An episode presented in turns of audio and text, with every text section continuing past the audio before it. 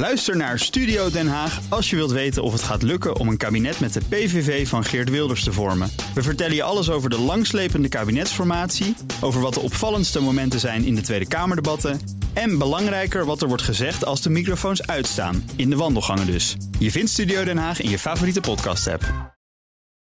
Tech Update. Met onze tech-redacteur Joe van Buurik. Hoi Joe. Hey, Nina en Kees. Hi. Laten we beginnen met de technieuws vanuit de showbiz-hoek. Dus dat betekent...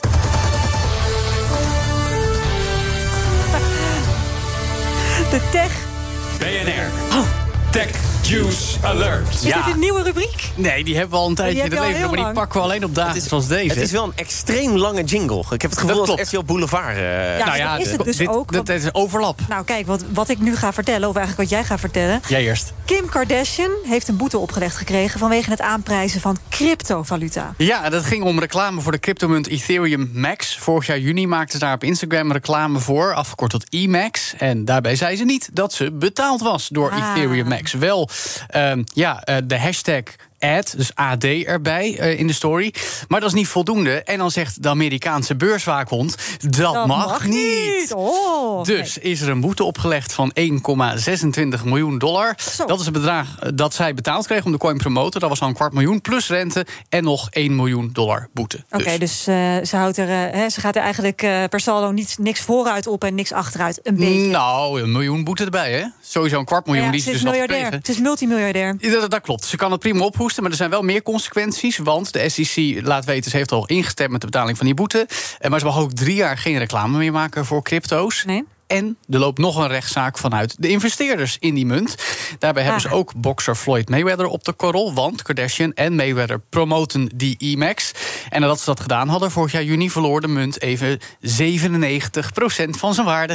En dat soort praktijken Een noemen we. pump en dump, hè? Dankjewel, Kees. Ja. Dan gaan we naar het chipmaker Intel, want dat brengt een dochterbedrijf in zelfrijdende autotechniek naar de beurs. En dat is Mobileye. Komt uit Israël en is in 2017 nog voor 15 miljard dollar door Intel gekocht. Maakt vooral hardware, software en ook kaarten voor auto's die zichzelf deels kunnen besturen, moet ik zeggen. Waaronder een SOC, oftewel System on a Chip. Dat geldt eigenlijk als de hersenen van een auto. eh, onder meer van merken als BMW, Nissan en Volkswagen. Eh, maar eh, los van dat dat zeg maar, dingen als eh geavanceerde cruise control en andere assistentiesystemen zijn, heeft eh, Mobile natuurlijk nog veel meer ambities. Willen een robot-taxidienst op gaan zetten. En nu dus een notering aan de Nasdaq. Eigenlijk vlak voor het weekend wel uitgelekt, maar zojuist officieel bevestigd Ja. door Intel. Ze verwachten dat er een waardering met de beursgang zou komen van 50 miljard. Die is uitgekomen van ongeveer 30 miljard dollar. En met het geld dat ze eh, ophalen, wil Intel dan weer nog meer chipproductiefaciliteiten realiseren. Want de vraag naar chips blijft onverminderd sterk. Dat eh, is absoluut waar. Zeker. Zo waar als een koe. Ja. Hey, dan nog even dit. Ferrari lijkt het slachtoffer te zijn van een cyberattack. Ja, niet alleen de strategie bij het Formule 1-team eh, laat wensen over... maar ook de cyberbeveiliging blijkbaar. Zonder gekkigheid. Vandaag kwam al naar buiten via de Italiaanse krant Corriere della Sera... dat er eh, melding was gemaakt door verschillende websites over cybersecurity... dat er een ransomware bij Ferrari heeft plaatsgevonden.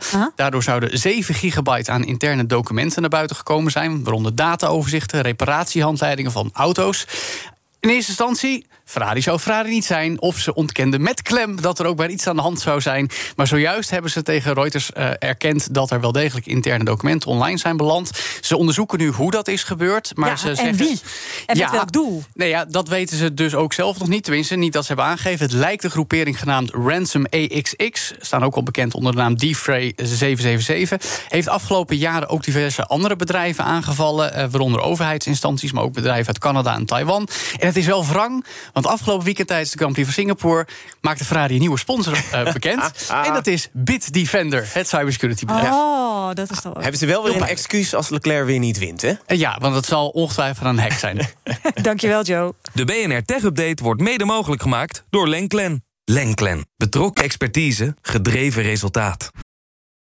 Ook Bas van Werven vind je in de BNR-app. Ja, je kunt live naar mij en Iwan luisteren tijdens de ochtendspits. Je krijgt een melding van Breaking News. En niet alleen onze podcast Ochtendnieuws, maar alle BNR-podcasts vind je in de app. Download nu de gratis BNR-app en blijf scherp.